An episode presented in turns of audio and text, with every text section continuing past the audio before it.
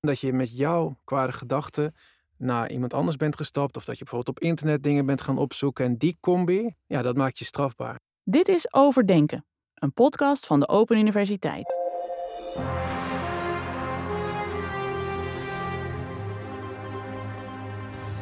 Goedenavond, een kort extra NOS-journaal in verband met de arrestatie van zeven mannen. Die zijn aangehouden, worden verdacht van het beramen van een grote terroristische aanslag op een evenement in Nederland. Wat is een kwade gedachte? à l'attaque terroriste euh, de Charlie Hebdo. En hoe strafbaar is een kwade gedachte? Het verheerlijken van geweld moet strafbaar zijn. De verdachte heeft zich in ieder geval schuldig gemaakt aan voorbereidingshandelingen en bevordering van terroristische misdrijven. Waartoe radicale gedachten kunnen leiden. Daarover ga ik, Nienke de Jong, het hebben met Sven Brinkhoff, hoogleraar strafrecht aan de Open Universiteit. We doen dat aan de hand van de zaak rondom Hardy N. Een man die leiding gaf aan een groep die een aanslag wilde plegen over het verijdelen van aanslagen, de geheime wereld van de AIVD, het risico van de infiltrant en een vakantiehuisje in Weert. Sven, toen jij een kleine jongen was, wilde je toen al hoogleraar strafrecht worden? Nee, ik had dat niet, uh, niet zo op mijn netvlies staan. Wat ik wel op mijn netvlies had staan was uh, een soort fascinatie over misdaad en bestrijding daarvan. En op jonge leeftijd uitzicht dat bijvoorbeeld dat ik heel veel James Bond films uh, keek. Dacht je toen op de middelbare school van daar kan ik ook misschien mijn werk van maken? Of? Ja, voor mij was dus wel altijd, het, het wordt iets binnen het strafrecht. Dat was wel altijd het pad waar ik voor, voor ben gegaan.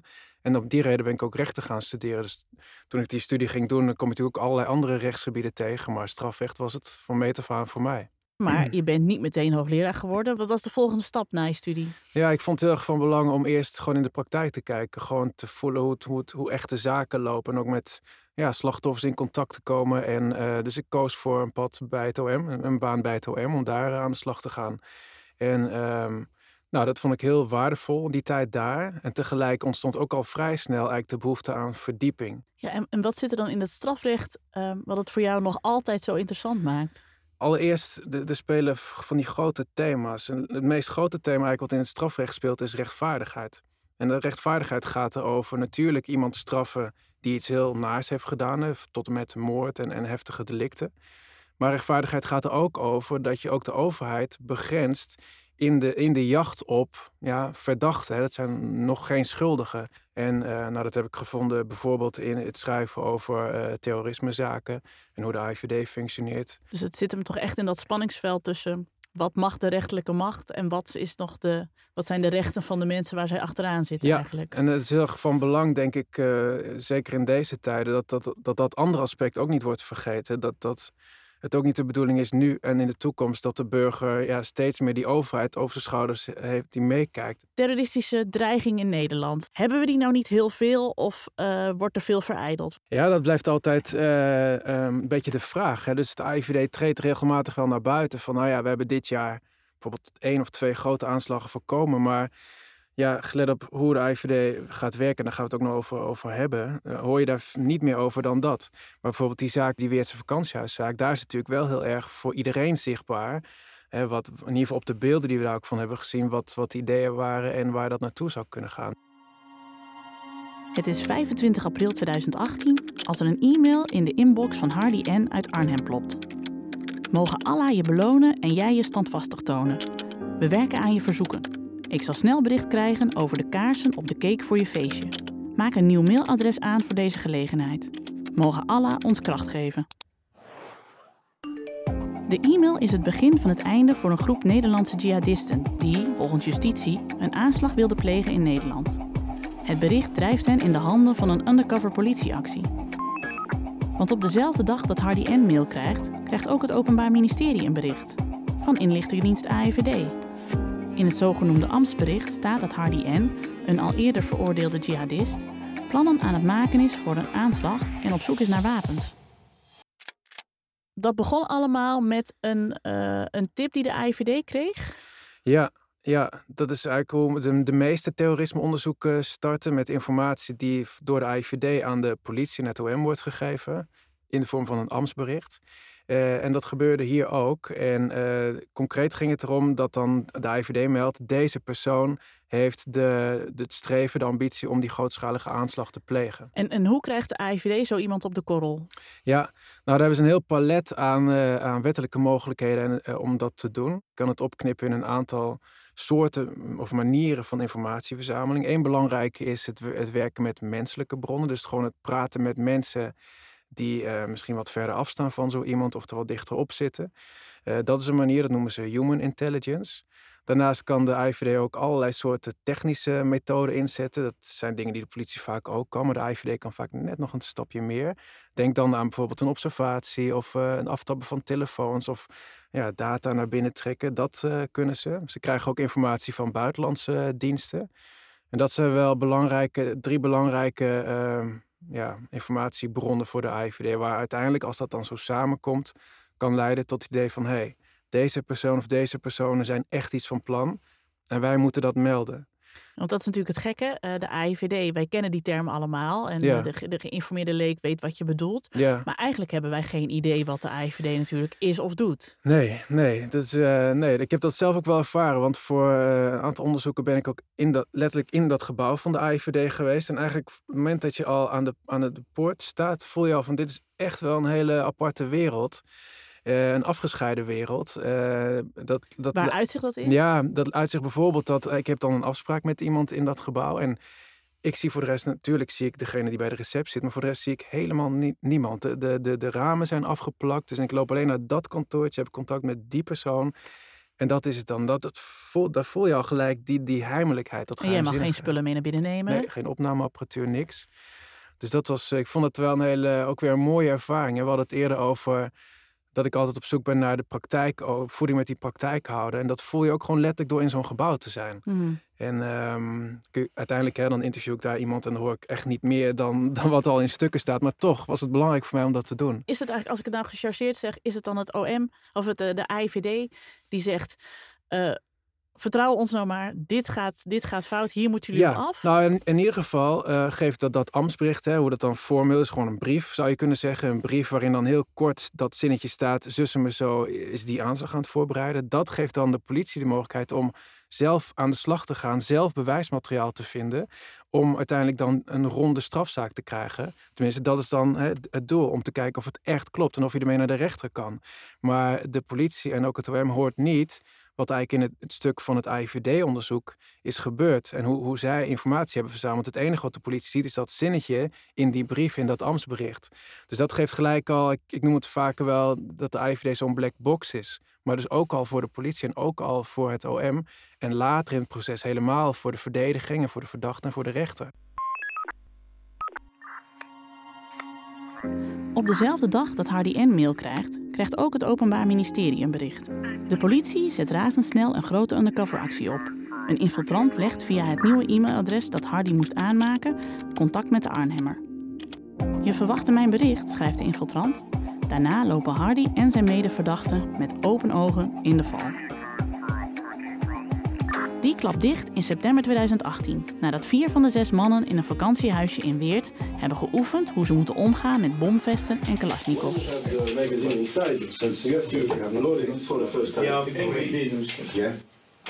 De wapens zijn nep. De leveranciers zijn politie-infiltranten en het huisje hangt vol met afluisterapparatuur en camera's. Als de jihadisten het vakantiepark verlaten, worden ze door een zwaar bewapende arrestatieeenheid opgepakt. Nog meer gloeiend erbij zijn, kan bijna niet. opsporingstechnisch wel een hele mooie zaak. Hè? Want vanaf het moment dat dat ambtsbericht van de AIVD kwam, dus die brief waarin staat ze zijn dit van plan, is er eigenlijk direct een politie-infiltratieactie gestart. Ja, van in, letterlijk in dat Weertse vakantiehuisje waarin die heren de bomvesten kregen en de Kalashnikovs. Dat is het infiltratietraject van de politie geweest. En qua, als je denkt aan bewijs voordat deze uh, mensen bezig waren met het beramen van de aanslag, is dat natuurlijk prachtig bewijs. Want daar, daar kun je natuurlijk heel veel uit afleiden dat die intenties er echt waren. Je hebt een infiltrant, die speelt informatie door naar de politie. Ja. Wanneer is dan eigenlijk het moment dat je als politie kunt gaan ingrijpen of kunt gaan sturen? Ja, Nou, de, daar legt de, de wet de drempel laag. Dus eigenlijk bij alle eh, bevoegdheden die de politie wil inzetten, heb je altijd nodig dat er een verdenking is. Dus een vermoeden, een idee dat iemand iets aan het doen is. Die lat van de verdenking ligt bij terrorisme heel laag. Dus een, een simpel gerucht dat iemand aan het radicaliseren is en misschien wel hè, een aanslag braamt, kan al voldoende zijn dat de politie van alles mag qua aanhouden en observeren en noem maar op. Dat Dus- is best wel heftig ingrijpen. Ja. Want als ik mijn buurman niet zou mogen en ik zou zeggen, Ja. Karel is aan het eh, radicaliseren, dan kan er zo een politiewagen op de Ja, stoep staan. Ja, en dat heb je bij terrorisme, dat heb je bij wapens ook. Er zijn gewoon een, aan- een aantal categorie delicten waarvan je eigenlijk wel weet als daarover informatie bij de politie komt, dan weet je bijna zeker dat ze het gaan oppakken. Mhm. En dat er dus iets tegen die burger gebeurt. En bij terrorisme is dat ook zo. En dat is van de ene kant wel te begrijpen, want kijk, bij terrorisme wil je niet wachten totdat je al een heel dossier hebt en dat je dan een keer gaat ingrijpen. Want vaak ben je dan te laat met nou, hele heftige gevolgen kan dat natuurlijk hebben. Dus wat wil de wetgever? Die wil juist dat je heel vroeg al aan de slag kan voor de politie om bewijs te verzamelen en ook om iemand dan van de straat te halen. Ja, en daarom is dit, eh, is dit zo in de wet gekomen. Anderzijds, het is daardoor ook wel vatbaar voor misbruik. Wat je net eigenlijk zei, hè? als je inderdaad je buurman niet aardig vindt en je, en je bestempelt hem als terrorist, nou ja, dan heb je goed kans dat daar iets tegen hem gaat gebeuren. Mhm. Dit is dus zaak voor onze luisteraar. Als je niet verdacht wilt raken, ga niet lopen googlen hoe je Nee. een bom moet maken in ieder geval. Van begin af aan wordt door het Openbaar Ministerie duidelijk gemaakt dat met de arrestaties van de verdachten een grote aanslag in Nederland is voorkomen. Pas tijdens het proces wordt meer duidelijk over het doelwit. De rechter leest dan een verklaring voor van een politieinfiltrant. Die zou hebben gehoord dat de Gay Pride in Amsterdam in 2018 een doelwit was en dat er plannen waren om een legerbasis en een nachtclub aan te vallen. De advocaten van meerdere verdachten richten hun pijlen met name op het feit dat er zou zijn uitgelokt. En in die contacten, daar heeft de AIVD cliënt bewogen tot iets wat hij niet gedaan zou hebben als ze er niet op hem ingewerkt hadden. Dit zou te zien zijn in berichten die de hoofdverdachte via zijn telefoon uitwisselde met de vermeende AIVD-agent. In eerdere proforma-zittingen stelde justitie dat apparaat nog aan het onderzoeken te zijn. Maar die telefoon is de politie kwijtgeraakt, zegt de advocaat nu. De officier van justitie zei tijdens een eerdere proforma-zitting wel, toen het kwijtraken van de telefoon nog niet bekend was, de verdediging werd stofwolken op. De undercoveractie van de politie is uitvoerig gedocumenteerd, maar wat daarvoor is gebeurd, is niet gedocumenteerd. Als er geen sprake van uitlokking was, laat ons dan zien wat er precies is gezegd. 1663, ga ik zo? Maar als ik het dus goed begrijp, is het zo geweest dat deze groep had een terroristische intentie om een aanslag te gaan plegen. Heeft toen de politie eigenlijk ze rustig zo richting dit, dit punt gemasseerd van Ja. Spreek eens met elkaar af, Ja. hoe kom je aan wapens? Ja, ja, en die infiltranten hebben zich ook aangeboden. Nou, wij kunnen die wapens wel aanleveren. Wij kunnen bomvesten leveren. Hoe ver mag een infiltrant gaan? Ja, Zijn daar regels voor? nou ja, dat is dus een hele belangrijke. Je mag niet uitlokken. En plant je nou als infiltrant een ideetje in het hoofd van een verdachte die die van tevoren niet had. En als de rechter dat kan eh, zeggen, dan is er sprake van die uitlokking. En dan is de hele zaak verloren. En de, en de verdediging, de advocaten zitten vol op dat punt. Er is wel eh, eh, best wel veel geduwd en eh, door, door de Zo, infiltranten. zo proeft het, eh, in- ja, voor, mij wel, ja, dat er wel, maar goed, het, was, het werd dan niet als uitlokking bestempeld, wel als sturend. Ja, wat is het verschil? Eh, het is minimaal natuurlijk. En zeker, want daar hadden we het, hadden we het al wel over van, ja, die IVD is zo'n black box. Maar dat geldt dus ook voor alles wat de IVD-infiltranten hebben gedaan in relatie tot deze verdachte. Daar mag het OM niks over weten. Nee, maar ook de verdediging niet en de, de rechter niet. En, ehm, maar dat is dus wel heel complex. Want stel nou even, eh, eh, bijna cynisch gedacht, stel dat daar wel iets van uitlokking heeft plaatsgevonden. Ja, hoe ga je daar nou als, als verdediging achterkomen dat dat echt is gebeurd? Want als je bij de IVD aanklopt van ja, geef mij wat meer informatie hierover, dat ga je niet krijgen. Vanwege die staatsveiligheidsbelangen waar zij voor staan. En ze mogen ook niks delen. Dus dat is heel erg ingewikkeld nu voor, voor de verdediging. Hoe krijg je daar nou ja, enigszins grip op? En nou specifiek bij terrorismezaken is dat nog even een tandje lastiger. Want zelfs al zou een rechter meer willen weten over dat IVD-stuk... Nou, dat, de, de kans is groot dat dat dan toch niet komt. Omdat de IVD dan zegt van ja, sorry, maar wettelijk gezien mogen we eigenlijk gewoon niet meer dan dit doen dan het ambtsbericht. En daar stopt het bij. Toen jij zelf nog bij het OM zat, hoe ging je toen met dit soort zaken om? Of heb je die, deze Ik zaken heb toen ook? Toen een paar zaken voorbij zien komen met, eh, met ambtsberichten erin. En eerlijk gezegd, het is wel leuk dat je daarnaar vraagt. Dat type zaken was voor mij een aanleiding om mijn proefschrift over heimelijke bronnen eigenlijk te gaan schrijven. Omdat dat soort zaken mij ook triggerde van, nou, ik zie je dan wel dit bericht van zo'n dienst, maar wat zit er eigenlijk achter? En, en dat inspireerde me eigenlijk om naar die drie jaar OM, naar de universiteit te gaan en daar dus een promotieonderzoek naar te doen. Waardoor ik uiteindelijk dus ook bij de IVD binnen ben gekomen om daar naar te vragen van hoe komen jullie aan dat soort informatie? Want het druist inderdaad in tegen alles wat wij doen moet ja. verdedigbaar zijn ja, en, en transparant. Zijn. Ja. Transparantie is zo belangrijk in het strafrecht. Maar sowieso, je hebt natuurlijk een overheid die doet iets tegen een burger.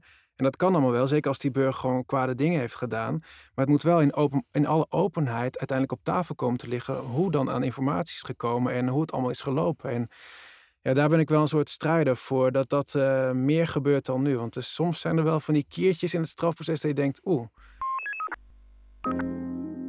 De verdachte heeft zich in ieder geval schuldig gemaakt aan voorbereidingshandelingen en bevordering van terroristische misdrijven. De hoofdverdachte krijgt een gevangenisstraf van 10 jaar opgelegd. In reactie op de verweren van de advocaten overweegt de rechtbank als volgt.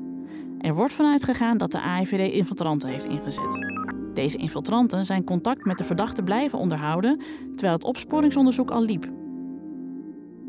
Het gegeven dat deze infiltranten in hun e-mails de verdachte lijken te steunen bij de uitvoering van zijn plannen, religieuze opvattingen met hem uitwisselen, bij hem erop aandringen nieuwe e-mailadressen aan te maken en contact op te nemen en te onderhouden met hun broeder, oftewel de politieinfiltrant, maakt naar het oordeel van de rechtbank niet dat er sprake is van uitlokking.